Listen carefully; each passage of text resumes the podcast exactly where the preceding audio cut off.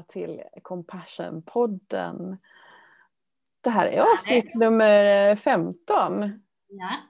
Välkommen Åsa. Tack så mycket Jeanette. Idag ska vi prata om eh, känslor. Ja, då ska vi prata om känslor. Vad känner du för det? Eh, bra fråga. Nu måste jag känna efter. Eh, Mm. måste jag stilla mig lite först. Eh, eh, jag eh, känner mig eh, nyfiken och eh, förväntansfull eh, Mm. inför att få göra det här med dig. Eh, Mm. Sen har jag nog generellt känt mig lite ledsen och låg. Eh, Mm. Eh, men eh, så då är det extra roligt att få spela in podd idag. Mm. Och ehm, jag känner mig väldigt engagerad i detta. Så, så känner jag. Så tänker jag, gud vad viktigt och känslor. Mm. Och, ehm, och jag är, är liksom är helt uppåt idag.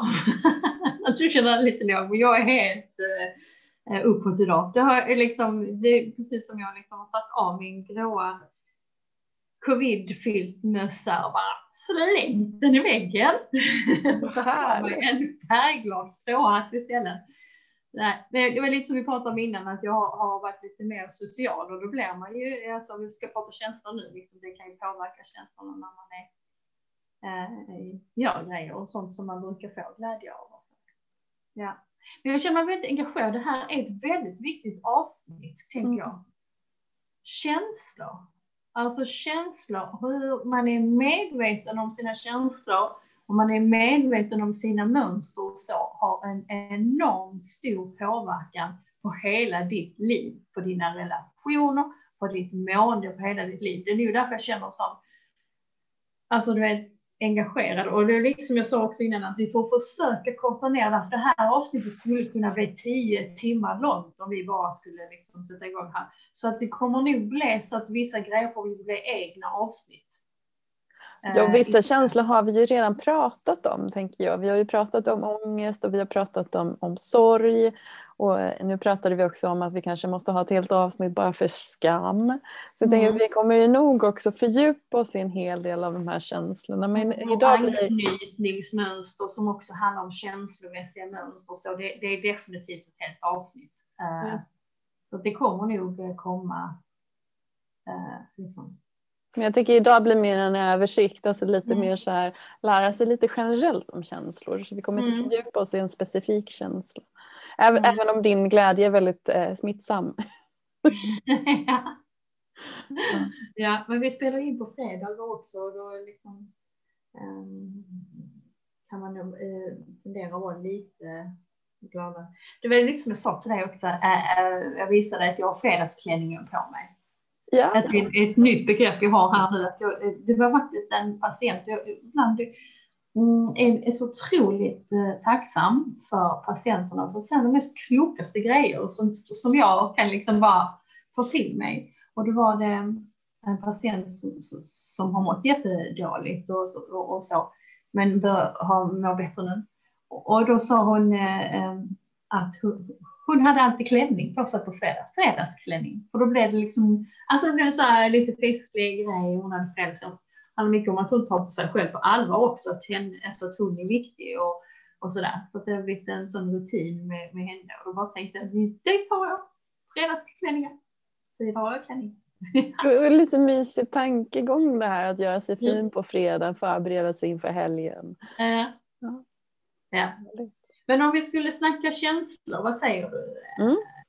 Man brukar ju säga så här, va? att vi har nio primära, nio grundkänslor.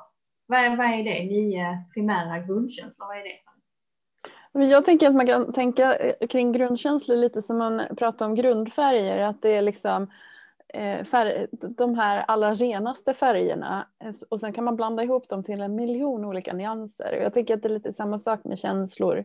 Att vi har identifierat några, och det är förstås lite omdebatterat, några känslor som är eh, relativt gemensamt för oss allihop och som är eh, rena i, i, färgen. Och sen Mm. finns det många nyanser av det, så det är inte så att det bara finns nio känslor. Nej. Utan det finns Utan man, man brukar många. liksom dela upp dem då i, i grunder. Alltså, alltså, de här känner vi eh, allihopa på den här planeten. Liksom, att vi biologiskt föds med de här känslorna. Det är i och för sig också lite omdiskuterat. Ja, det är ju. Alltså, det, kan, det kan också vara undantag i det, men om man säger, om man generellt brukar säga så kan man säga med, till exempel med ansiktsuttryck. Uh, att vi kan se att vi um, utan att ha tränat på det, liksom, eller jo, vi kan ju träna med, med våra föräldrar och så, men att vi har samma över hela världen. Mm. så. Det är något universellt, liksom. det är väl där själva tesen ligger i grundkänslan. Liksom att om jag åker till Kina så ser jag någon som är glad på samma sätt som mig. Eller jag ser skam eller jag ser att någon är ledsen på samma sätt. Men jag tänker att det som är hjälpsamt är väl kanske att identifiera någonting som, som är ganska grundläggande för oss. Alltså också om, om vi inte har så bra koll på känslor så kan det vara skönt att förhålla sig till vissa. Mm. Alltså, och, och, och ja. kunna prata om dem mer separat. För det är det som är hjälpsamt. Jag. Min, min erfarenhet är att, att vi pratar om känslor som om att vi visste vad det var. Mm. Någonstans gör vi inte alltid det. Eh, mm. Jag hade pratat, vet i alla fall att jag pratade mycket om ilska och att vara arg och så vidare. Men när jag var 20 och en terapeut frågade mig om jag blev arg så, och, och typ hur det kändes för mig när jag blev arg. Då satt jag som ett stort frågetecken för jag visste verkligen inte vad ilska var. Det var en så bortkopplad känsla i mig. Mm. Så jag behövde faktiskt lära mig hur mm. funkar ilska? Mm. Så att den finns ju där in, inne hos dig men den kan ju bli bortkopplad och då kommer vi in på de, alltså om vi säger om vi skulle nämna de grundkänslorna som vi har, som man brukar säga, eh, mm. då är det ju rädsla, det är ju sorg, det är nyfikenhet, eh, glädje, skam, mm. förvånad, ilska och sen är det avsky och avsmak. Mm. De brukar man liksom kalla de här grundkänslorna. Liksom så. Som vi har. Som till exempel att man instinktivt, alltså man blir rädd om man håller på att bli överkörd eller sådär liksom, eh, kommer till en så. Ehm. Men om vi då säger den sekundära, sekundära känslorna då så kan ju de vara hur många som helst liksom, tillkopplat till det. Alltså det kan ju vara en reaktion på, eller det kan vara illa, eller det kan också vara baserat på tankar och antaganden, tänker jag. Så att om jag egentligen kanske känner mig Ehm, um, nej men tänk så här till exempel, vilket är en viktig grej. Säg att du är förälder och barnen, ens barn är ju så nära en, det är en del av en själv, så därför är det väldigt lätt att känna skam kopplat till ens eh, barn för att det är, är så mycket av en själv liksom. Så att säg att ditt barn gör någonting och jag känner skam, så kanske min reaktion inte blir skam, utan den kan bli sekundär ilska. Mm. Där är den sekundära då ilska och den primära, alltså grundkänslan, är skam. Och för mig som då var bortkopplad från min ilska då som, som ung, eh, nej jag är fortfarande ung. yes. nej men som 20-åring då som var ganska bortkopplad från min ilska. Det fanns ju situationer som faktiskt också triggade den här ilskan men eftersom jag inte hade tillgång till den här primära känslan av ilska så blev min, min sekundära känslosvar blir oftast ledsenhet. Och det här är ju lite knepigt om och därför att våra känslor fungerar som ett signalsystem till omvärlden och också till oss själva. Det blir lite knepigt, knepigt när man hamnar i en situation som möjligen då triggar ilska, men så, så blir någon ledsen. Det kan bli otroligt förvirrande. Förvirrande, för att alla våra känslor vi har, vi har ju dem av en anledning. De, det är ju information till oss och de, de har en funktion ju. Mm. Alltså där är en funktion med att bli arg, till exempel och sätta gränser. Eller där är en funktion med att bli ledsen för det handlar kanske om eftertanke och bearbetning eller få stöd. Eller att känna skam kan vara att se, liksom, har jag gjort något fel? Liksom, kan jag liksom, um, förändra det på något sätt och så. Mm. Eh, eller att, eh, tydligast att känna avsmak, det är ju för att man, det var ju för att man ska äta det där gröna bäret, liksom, eller som är lite konstigt, alltså för att det luktar märkligt och då äter man inte då, räddar man sig ju. Så att det, de är ju till för att vi ska klara oss helt enkelt. Ja, de har evolutionärt i alla fall funktioner, sen kan vi ha lärt oss någonting annat. Ja. Men att de har väldigt tydliga funktioner, Mm. eh, olika känslor. Mm. Glädje handlar till exempel också med, om samhörighet. Alltså, Mm. som nu när du inledde programmet så var du väldigt glad och jag märker med en gång hur det smittar av sig och gör att jag också vill vara glad. Alltså du vet, det Mm. drar, drar med sig. Mm, absolut, glädje är, och det är ju balans liksom, på känslor tänker jag. Liksom, att man har, kan vara medveten, kan identifiera men också kanske ha balans på sina känslor. Så. Alltså att, eh, för att problemet kan ju bli om de tippar över eller om man börjar blanda ihop dem så här istället. Liksom, eller eh, att jag egentligen kanske behöver omsorg men går runt och är arg och har taggar ut till alla gör ju att eh, folk kanske drar sig undan mig istället. Jo, det, det är ett jättebra exempel tycker jag också därför att till exempel när vi pratade om sorg för några veckor sedan eh, då pratade vi om att, att det här med tårar signalerar egentligen evolutionärt förlust och triggar omsorgsbeteenden i andra. Mm. Men låt säga då att du har ett behov av omsorg men går runt och är arg. Då drar ju folk sig undan istället. Mm. Då får man inte riktigt det man behöver heller. Nej. Det finns en vit- vits i att faktiskt få rätt på det här med känslor. Mm. Men man kan ju också koppla bort känslor. Alltså eh, att man kanske under uppväxten så inte har lärt sig eller det har varit så obehagligt med känslor så, så att man faktiskt har eh, kopplat bort. Eh, så att man inte, precis som jag känner inte så mycket känslor, varken glädje eller eller någonting liksom. Och det är ju jätteförlust i livet att inte Mm. kunna känna känslor. Utan det är ju också en risk då att man kopplar bort de obehagliga känslorna så blir allting neutralt. Man känner ändå glädje och nyfikenhet, den blir också bortkopplad. Mm. Och så känner man bara en tomhet och att man är Mm. Ehm, Och, och det egentligen kan man ju säga, det handlar ju om att, alltså om vi tänker, vår högra hjärnhalva är ju känslor och vänstra är då mer logik och tankar och det verbala och sådär. Och de två samspelar ju när de är i balans. De, de är ju, när vi, innan vi har talet så är det högra mycket mer aktivt. Alltså vi är ju känslomänniskor, vi är ju känslostyrda när vi är små för att vi har ju känslor då och vi skapar känslominnen då när vi är så här ett till två år, alltså noll till två år liksom, är en väldigt, väldigt känslig period i våra liv för det är där vi skapar våra känslomässigt och även relationsmässiga känslomönster med anknytning och så. Eh, Vilket är ett helt eget avsnitt av sig själv. Och det är Mm. Hur jag fungerar i relationer är faktiskt mycket eh, kopplat till mina första år. Ja. Alltså, ehm, så att höger eh, hjärnhalva och vänster halva och, och, och, och om man då som vuxen liksom kopplar bort så är det lite som att höger liksom kopplar bort eh, eh, kopplingen till vänster hjärnhalva så man kan liksom inte relatera till tan- tankar, minnen eller hur reagerar och sånt utan då kan man bara mer känna sig bortom det.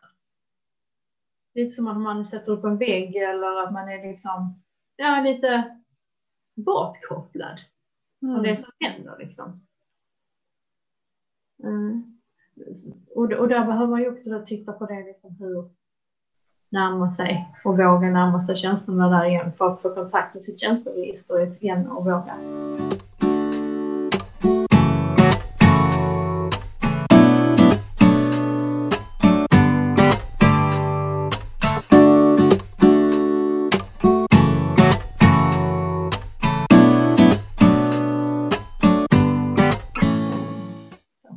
Jag tänker eh, om vi skulle koppla till självmedkänsla.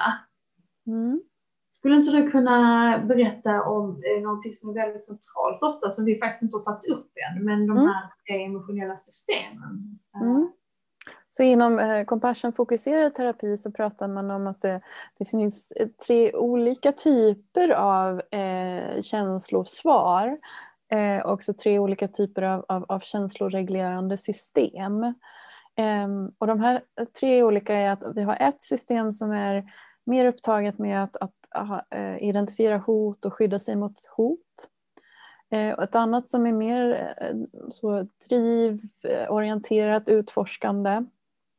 Och ett tredje som har mer med någon form för lugn och, och, även samhörighet, så den här sociala biten kommer in där också. Så de tre olika systemen har man identifierat utifrån forskning också. Och då hotfokuserade känslor, de är ganska många. Mm. Eh, vi pratar om de evolutionära funktionerna av känslorna och där har vi till exempel ja, men ilska eh, för att identifiera när någon går över mina gränser. Vi har rädsla för att identifiera någonting som är hotfullt som jag måste ta mig bort ifrån. Eh, vi har skam när det finns ett hot kring att, att bli eh, utstött ur en grupp till exempel. Mm. Eh, vi har det som du var inne på också med avsky, att inte bli förgiftad. Och det är inte bara egentligen av mat utan det kan vara av luften till exempel, det kan vara gaser och sådär. Eh, men också atmosfär. Mm. Eh, alla har någon gång stött på en person som de fick den där känslan av. Alltså typ, som om, alltså det är inte så att de luktar illa men det drar ändå i näsan när man mm. stöter på dem. Det är någonting med dem som inte är rätt. Mm. Det här är en väldigt viktig tänker jag, känsla också som, som vi inte kanske pratar så mycket om men som de flesta kan känna igen, den här obehagskänslan. Mm. Det här systemet då brukar man kalla det röda systemet, det du beskriver nu. Hot, fara, skam, alltså hotstyrda emotioner.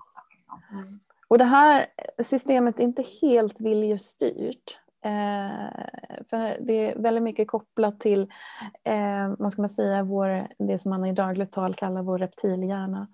Eh, som är ganska automatiserad. Så om det kommer en bil farande mot dig så står du inte och funderar så himla mycket och reflekterar kring det utan du reagerar blixtsnabbt.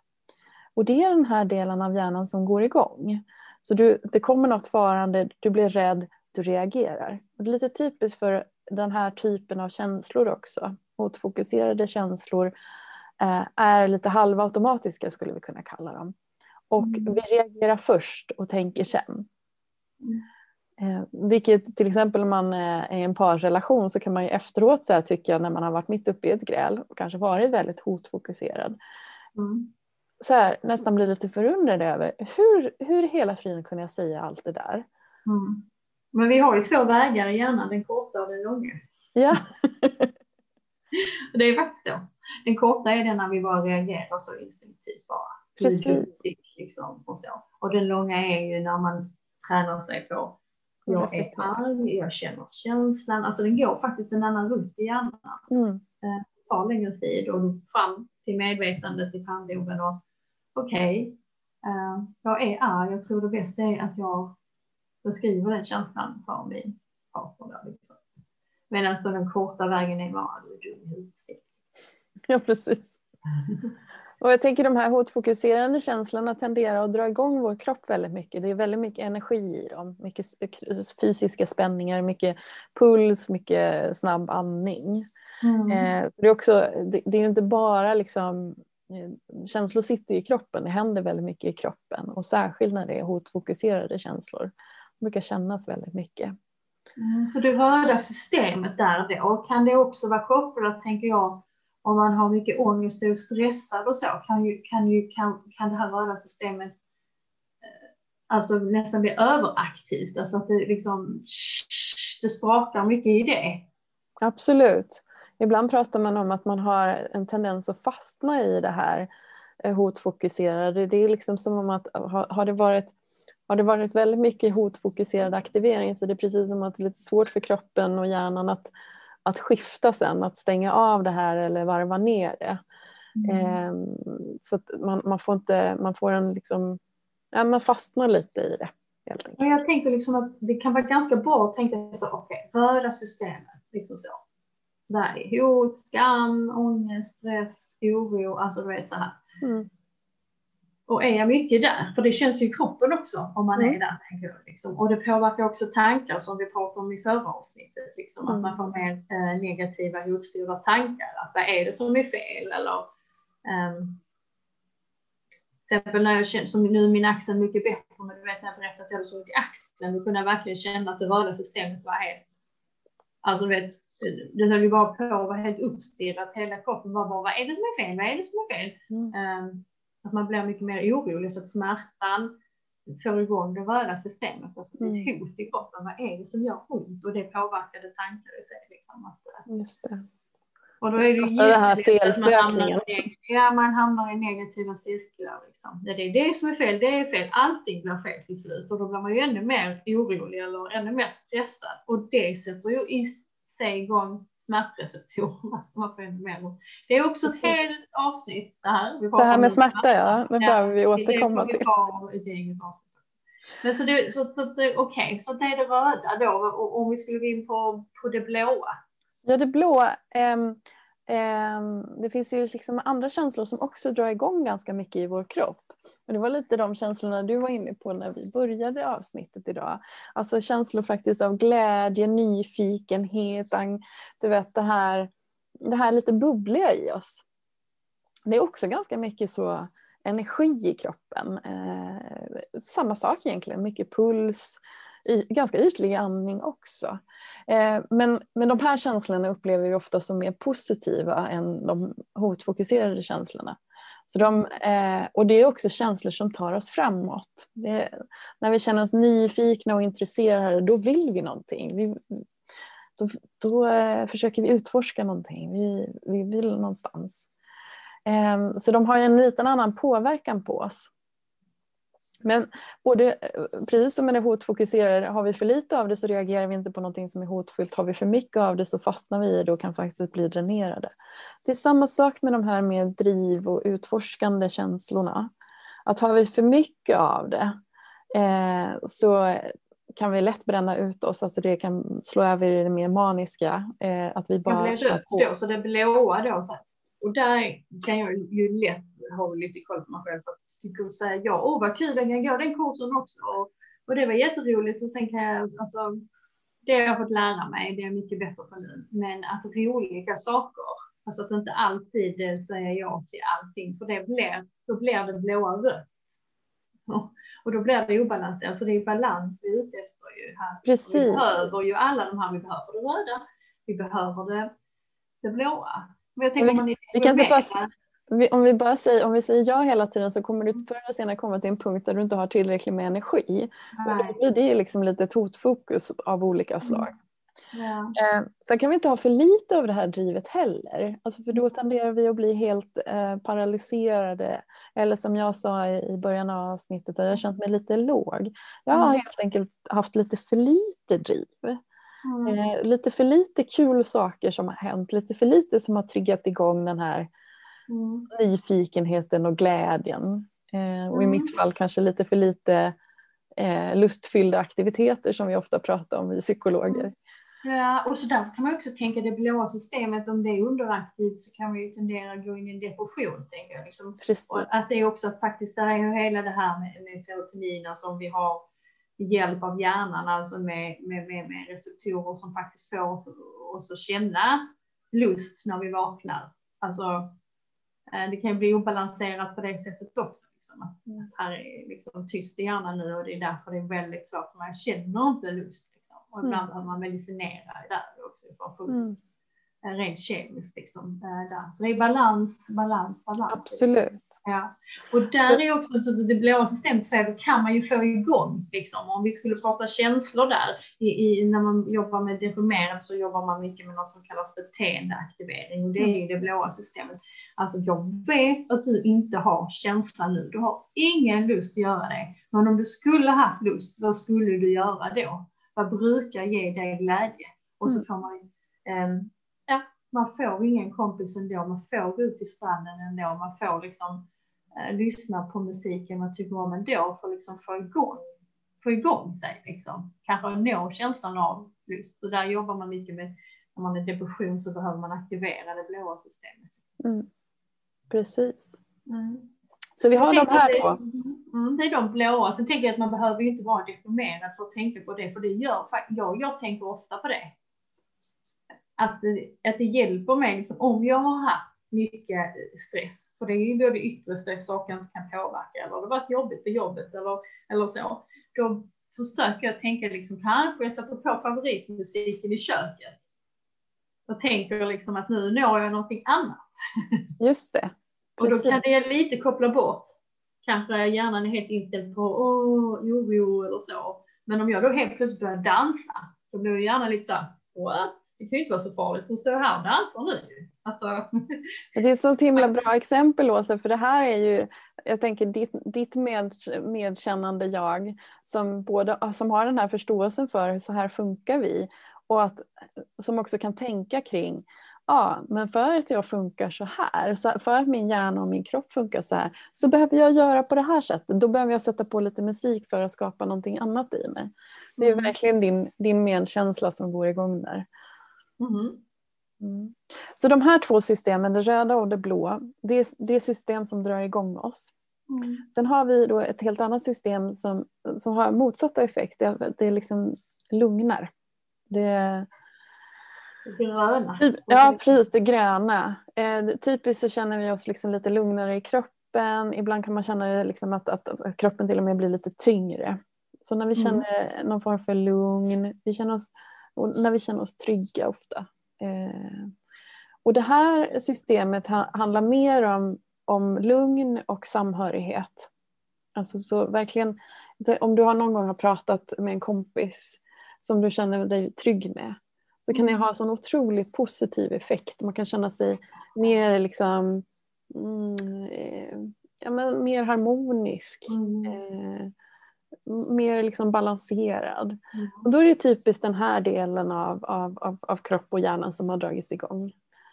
Mm. Det som vi kallar ja, trygg, trygghet och omsorgssystemet kanske. Mm. Ehm, Det inte så, finns inte så många känslor som faktiskt eh, man har identifierat kopplade till det här utan det är, det är två känslor. Det ena är någon form för glädje eh, men det är inte den här glädjen som du får av, av att eh, göra saker utan mer en, en, en jag gillar det svenska ordet förnöjd Mm. eller tillfreds. Så det är Mm. den typen av glädje. Mm. Och sen är det sorg. Mm. Och ibland så hajar folk till på det här med sorgen, men det är den här sorgen där vi har accepterat det som har hänt. Då kan vi gå in i någon form för ganska melankoliskt tillstånd. Och det kan vara lugnt. Det är inte Mm. nödvändigtvis det här eh, jätteglada stora leendet, utan men ett ganska så tillfreds eh, melankoliskt tillstånd. Mm. Så det är, Mm. lite, det är en lite andra känslotillstånd här. Mm. Eh, Ja, och jag tänker, och tänker att, att um, om man tittar på självmedkänslan så, ju, så kan, är, är det ju ofta svårt att nå den här gröna. Eh, om man är mycket i det röda, liksom, om man är mycket skam och självkritik och så, så kan det ju kännas som att det gröna är blockerat. Som att eh, man inte riktigt når det där med omsorg eller lugn eller Ja, ditt, ditt medkännande jag verkar ju ha den här intuitiva förståelsen av att, att det behövs en balans mellan de här tre olika Mm. systemen. Så vi Mm. behöver lite av varje. Mm. Eh, det får inte vara för mycket av något av det. Och blir det för mycket av något av det, blir det för mycket hotfokus till exempel, så behöver jag balansera upp det. Kanske med lite driv, kanske med alltså lite av det här blåa, lite av det här gröna. Eh, Mm. för att hitta en balans. Mm. Det är det jag tänker att medkänslan, när vi har lärt oss om det så kan medkänslan ta fasta på det här och liksom tänka kring okej, men nu blev det för mycket av det ena eller det andra. Det är inte br- bra med för mycket av det gröna heller för då Mm. tenderar vi att inte ta oss någonstans. Vi tenderar att, ja, jag skojar ibland, då skulle vi bara sitta i lotusställning och meditera hela dagarna. Och det blir inte heller så bra. Nej, det kan bli passivt ju. Det kan bli alldeles för passivt. Sen, Mm. Sen är det väl generellt sett så att de flesta behöver mer av det gröna därför att vårt samhälle ser ut som det gör. Vi har ett samhälle Mm. som gärna drar igång det röda och det blå. Mm. Det är därför ofta om man ritar upp det här så säger många va? Det gröna, vad är det? Där brukar jag nog inte vara. så, eh, fan, det är mycket, man känner igen det röda liksom. Ja. Men de flesta människor har ändå, alltså, jag tänker de flesta av oss känner igen, igen det här gröna till exempel eh, precis när man håller på att somna. Mm. Eh, eller när man kryper upp i någons famn. Mm. Eh, när man är, många pratar om det när de är med djur till exempel. Mm. Eh, ja, det känner jag med mina hundar. Så bara ja. klappar dem. Och, och mm, jag har en, speciellt en av mina hundar, han är verkligen expert på det gröna systemet. Alltså han ligger på en så han ska alltid ligga nära. Det kan också vara när vi är i naturen. Han är stor ju hund ju så det blir lite jobbigt ibland att ha han på huvudet. Liksom. Ja. ja. Nej, men så det, finns, det finns många, alltså, vi får inte göra det för komplicerat heller. De, alltså, de flesta av oss känner igen det här gröna mm. men, men det kan låta så himla, i en stressad värld så kan det låta som ja, men det här med att vara lugn och trygg, nej det känner jag aldrig. Eh, men de, de här, all, alla de här systemen är igång samtidigt så vi känner dem. Det är bara att vi kanske inte har lagt märke till det heller eller vi kanske inte känner det så himla mycket.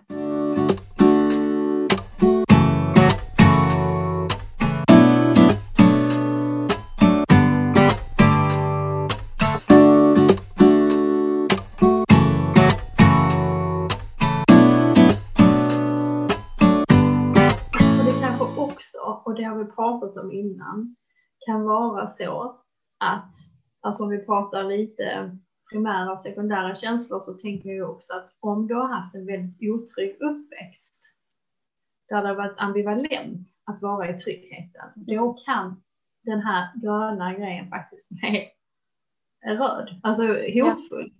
Alltså att när du försöker närma dig omsorg, lugn eller den här tryggheten eller så, då får du oro eller ångest faktiskt. Att vara fy vad obehagligt alltså. Det här, fy vad när jag gjorde så här fick jag en smäll där jag fick ett hårt ord eller alltså då hände någonting eh, jobbigt liksom. Alltså jag kan inte lita på att jag kan jag kan inte lita på min miljö, mina föräldrar. Liksom, att, jag, mm. att jag bara kunde slänga mig i soffan och bara för då hände något eller fick jag något ord eller det var någonting eller så fick jag någon skam eller, eller alltså du vet. Eh, och det är ju där eh, det ofta faktiskt kan då bli förvånande för många så svårt det är för mig att nå det här. Liksom. Och då kan man till och med bli självkritisk till det och då blir det dubbelt besvärligt. ja, men så där är ju också väldigt självmedkännelsen med förståelsen mm. att vara inlärt hos mig. Varför är det svårt för mig att nå det gröna? Mm. Mm. Det kan ju vara något jag har vuxit upp med, men det kan också vara som du säger, alltså yttre påverkan. Vi har ett extremt rött samhälle, prestation, prestation, prestation och hot om man inte är tillräcklig, liksom. Eh, stress så. Och, och, och då kan det också vara så. Alltså är det någonting som jag varit med om som liten eller är det någon yttre påverkan? Av, eh, det kan vara lite olika, ibland en kombination. Mm. Uh. Och, och, jag tänker att, att, för att de här hotfokuserade känslorna de är så nära förbundna med liksom hela vår överlevnadsinstinkt mm. eh, så smittar de också väldigt mycket. Alla känslor kan smitta av sig. Eh, din glädje smittar ju av sig på mig. Men eh, särskilt de hotfokuserade känslorna smittar av sig. Så om man går in i ett rum och det är någon som är väldigt ångestfylld så brukar det dra igång ångest i en själv. Och det kan krävas mm. ganska mycket för att man ska reglera ner den ångesten.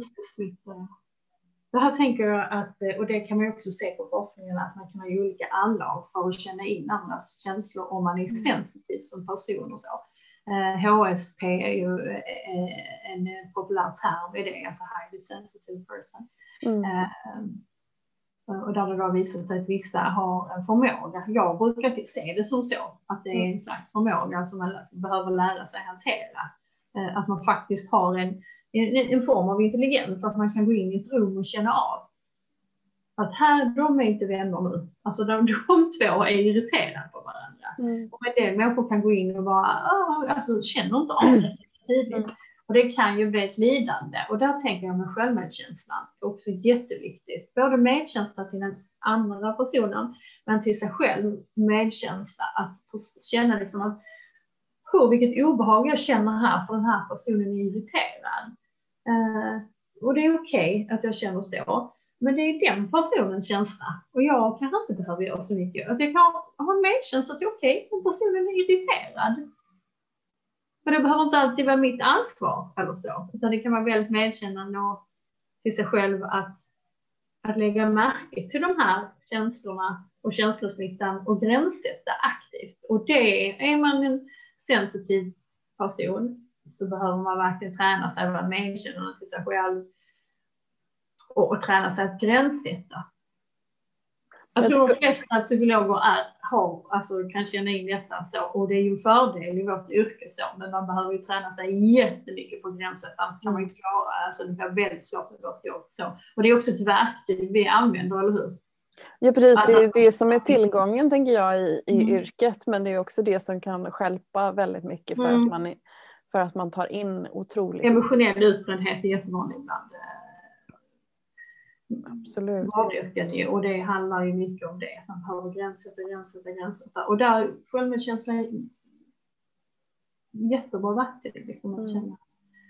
Och vi är lite inne på det också att, att, att sättet att jobba med, med känslor, det första steget blir att, att, att träna sig i att bli mer och mer medveten om vad är det jag känner. Mm. Alltså, vad är det som känns i kroppen? Vad är det som dyker upp?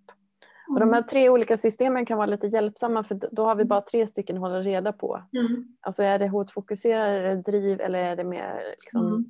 Lugn? Och har jag balans, vilken tenderar jag att vara lycklig i? Hur kan jag hjälpa mig själv? Så eh, Men jag tänker också att det alltså, kan vara bra om man känner att man inte riktigt har koll på känslor. Så att, att skriva upp de här eh, känslorna, rädsla, sorg, nyfikenhet, glädje, skam, alltså ilska, förvånad, liksom avsky och så. Och skriva upp dem och sen kanske eh, alltså det handlar mycket om det, att, att närma sig känslor handlar om och det är jättestyrka att kunna göra det. För att du blir mer och mer tålig ju mer du närmar dig känslor. Om du inte närmar dig känslor och går igenom dem och vågar liksom känna på dem och se på dem och så, så kommer de styra ditt liv. Du mm. är icke bossen i ditt liv. Så det är bara så, vill du vara boss i ditt liv? Eller vill du vara liksom en svans efter dina känslor. Eh, så där är styrkan. Alltså om du vågar gå igenom känslorna istället för att kriga med dem eller springa undvikande vägar kring dem och så. Om du vågar fejsa dem, tänk att skriva upp en lista och sen kan det bara, en sån övning kan vara att man skriver tre saker. Att ja, rädsla, okej, okay. när kände jag det i veckan? Liksom? Och, och, och vad var det för på situationer. Man försöker, försöker liksom medvetet kolla, eller när kände jag skam? Mm. Skriva upp det, och ju mer man skriver upp det, ju mer närmar man sig ju mer medveten blir du. Och är du mer medveten kommer du börja lägga märke till det sen, när du är i den situationen att hmm, jag känner rädsla, det känns så här i kroppen. Ja precis, jag tänker det är så otroligt viktigt att, att, att känna in det i kroppen också för många av oss är ju ganska bortkopplade från vår kropp så att det blir mer en tänkt eh, konstruktion. Och att, att, ja, men hur, hur, hur känns det i kroppen när jag blir rädd? Vad är det som brukar hända i min kropp när jag blir rädd? Mm. Eh, vad, vad lägger jag märke till i kroppen när, när kroppen är rädd? Är det, är det pulsen? Är det magen? Och vad händer sen upp i huvudet? Så att vi får också koppla ihop det. Det hänger ihop. Det är som vi sa, tankar, känslor, beteende. Jag menar, du kan ju få en massa känslor av en massa antagande som vi gör i huvudet med tankar liksom så att tänker nu så, så, så och så om mig. Och så får man en känsla och så börjar man bete sig på det. Så, det hänger ihop ju alltihop. Också kroppen där som du säger jätteviktig. För många kan tycka det är obehagligt med hur det känns i kroppen och då är det så man behöver närma sig.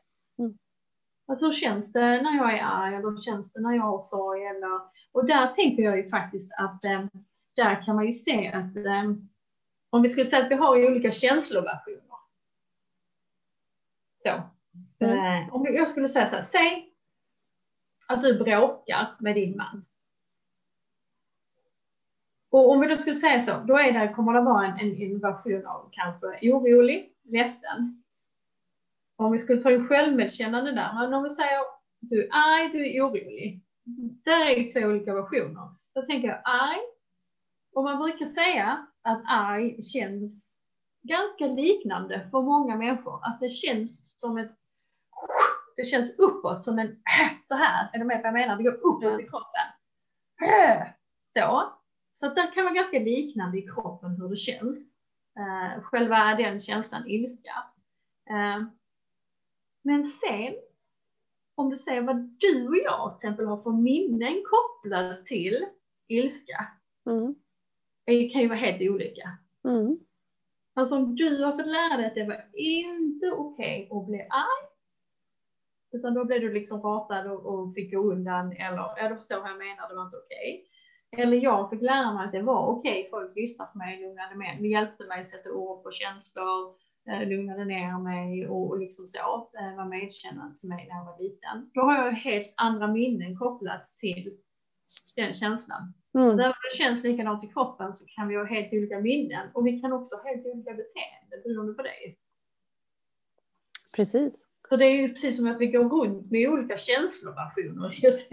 Absolut. Arg så känns det så här i kroppen, när jag blir ledsen så känns det oftast tungt i kroppen. Och jag får de här tankarna som brukar vara liknande, liksom att man är låga tankar. Men jag kan ha helt andra minnen än vad du har. Men, men också att de här olika känsloversionerna eller känslojagen, de drar ju oss åt olika håll. Alltså mitt mm. arga jag eh, kan ju vilja burra upp sig och liksom kanske trycka ner andra. Mm. Eh, eh, till exempel. Eh, mm. Medan min, min, min rädda sida däremot, den har ju inte alls den, de tendenserna utan den kanske själv vill förminska sig själv och dra sig undan och vara ganska undvikande. Så ja, och de här versionerna kan ju vara i konflikt med varandra. Absolut. Den arga kan ju liksom säga till den ledsna att fan vad så jävla tramsig. Alltså, då får du räcka upp det. Jag förstår vad den oroliga kan säga. Åh, ska det verkligen sägas då? Alltså, de, säg inte så, säg inte så. Eller hur? Nej, så det kan ju vara i konflikt med varandra. Så. Absolut. Det hjälper så otroligt mycket att veta det här. Alltså, hur, hur, hur, känns det i kroppen? Hur brukar jag reagera? Vad är funktionellt? Liksom? Kan jag börja, börja våga närma mig känslor så att de kanske inte styr mig sådär snabbt utan att jag börjar ta den långa vägen och ser liksom att nu är jag arg. Och istället för att kanske säga du är dum i huvudet. Eh, och så redan, eller så är det mycket värre. Eh, och, och, du löser ingenting med det. Eh, utan tvärtom kanske blir jättejobbigt. Mm. Eh, om jag då istället kanske kan bara säga och, och börja träna mig på mm. Men du, jag känner mig väldigt ledsen. Um, när du inte ser det som jag gör och så jag skulle uppskatta så himla mycket om du bara kunde ge mig lite beröm när jag försöker det här, vad det nu kan vara. Alltså förstår du vad jag menar? Att om man börjar uttrycka sig lite så mer jag, vad jag känner, så kan det uppfattas mindre hotfullt. Och då kan man ju kan man kanske mötas mer i det än att mm. man hamnar i Alltså då kanske det blir som jag själv känner, alltså det blir mer funktionellt för mig. Då blir det som att jag um, är jag som styr situationen lite mer än, än det är inte mina känslor. Liksom. Precis. Ja. Plus att jag slipper hamna i de där jobbiga situationerna när känslorna ja. har sprungit iväg med mig. Och sen lär man sig aldrig. också skäms efteråt. Ja, så kommer den känslan. Men sen lär man sig, alltså det här är ju en evig projekt liksom. Mm.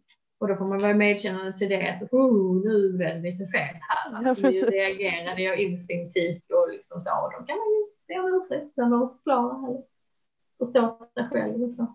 Mm.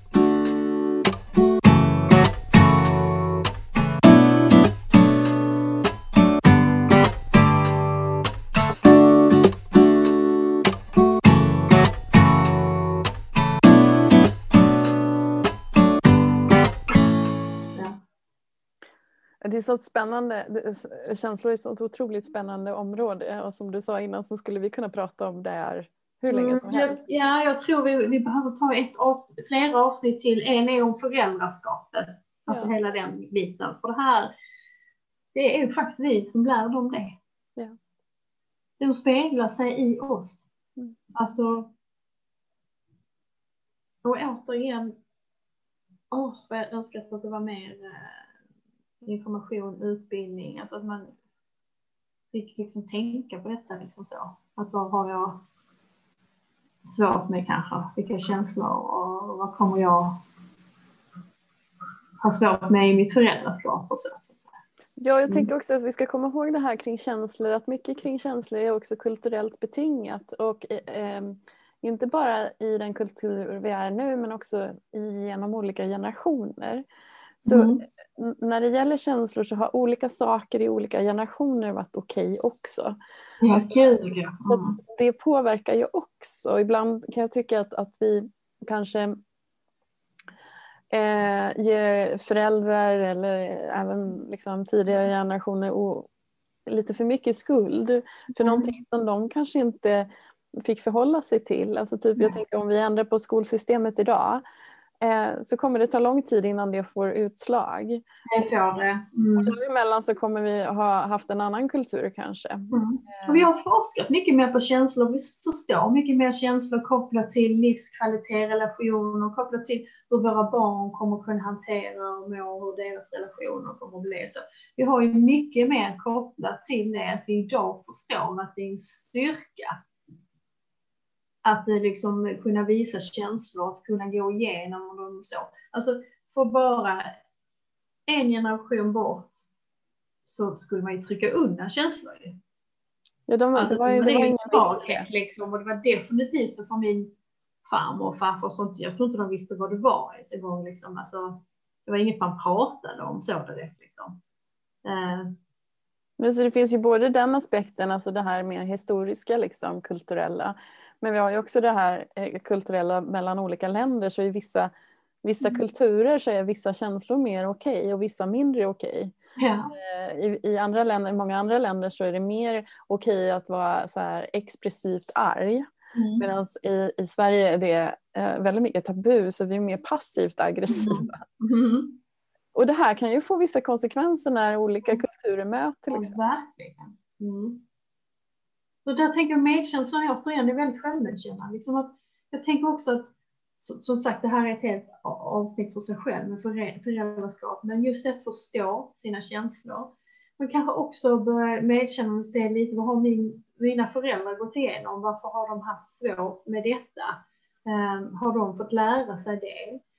Um, kanske man kan se att mm, min förälder finns där, han inte uttrycker sig känslomässigt verbalt, men har liksom praktiskt gjort en massa saker för mig, alltså uttrycker sin känsla genom mm. att göra en massa saker, alltså där är närvarenhet, eh, jag fixar eller jag hjälper dig att göra det här. Och, mm. Ja, du förstår jag menar, jag renoverar ditt hus eller, alltså du förstår, där finns ju kärlek kan man uttrycka på olika sätt och det är lite vad de har lärt men också vad de har varit med om, tänker jag. Mm. Alltså typ ja. hur samhället har sett ut och vad som var viktigt mm. i samhället just då och sådär. Mm. Eh. Och att det kan finnas väldigt stora blockeringar ju, om man aldrig har fått lära sig, alltså aldrig har fått spegla sig i en förälder liksom, som har uttryckt och, och visat känslor.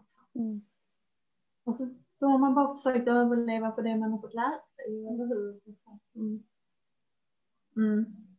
Mm så mycket självmedkänsla och medkänsla. Alltså att visa medkänsla till någon annan kan vara väldigt självmedkännande för sig själv. Mm. Ja.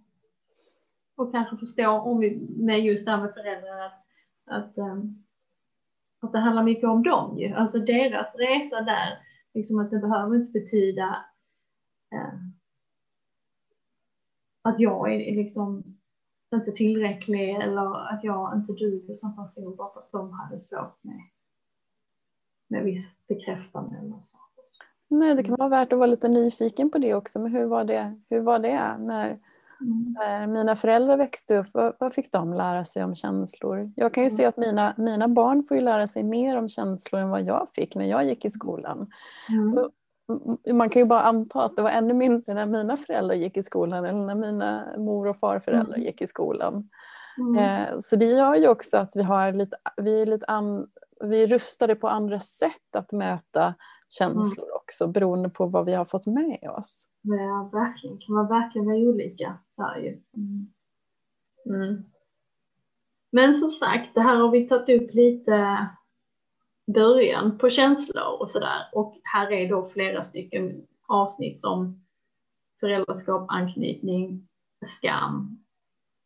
Och finns det eh. någonting annat ni vill höra, ni som mm. lyssnar? Alltså någon, är, är ni nyfikna på någon känsla? Vill ni mm. att vi ska ta upp någon, någonting särskilt så, så skriv gärna och hör av er. Mm. Gör det, då blir vi jätteglada. Mm. Jaha, eh, ska vi säga tack för idag då. Eh, och eh, vi önskar er en eh, trevlig helg höll jag på att säga, men det vet vi ju inte om de eh, har en helg när de lyssnar på detta. Men eh, ha en, en mysig vår, vårveckor. Vi hoppas att det blir lite sol igen, det var så himla härligt. Eh, och ehm, vi har ingen aning om vad vi ska prata om nästa gång, men det får vi prata om här efter. Vad det kommer, vilket av det här vi kommer att välja till nästa gång. Kanske skam, vi pratar om skam nästa gång kanske, säger du? Ja, eller så får vi någon input från lyssnarna som vi har. Ja, eller ska vi få någon input vad det Men okej, okay. känslor, så otroligt viktigt och så en otrolig vinst. Styrka att våga närma sig. Stäng inte av, våga närma dig. Ja. Ja. Ja, tack så jättemycket för idag Åsa. Tack för att du ville vara här tillsammans med mig. Ja, ja detsamma. Tack så mycket. Hej!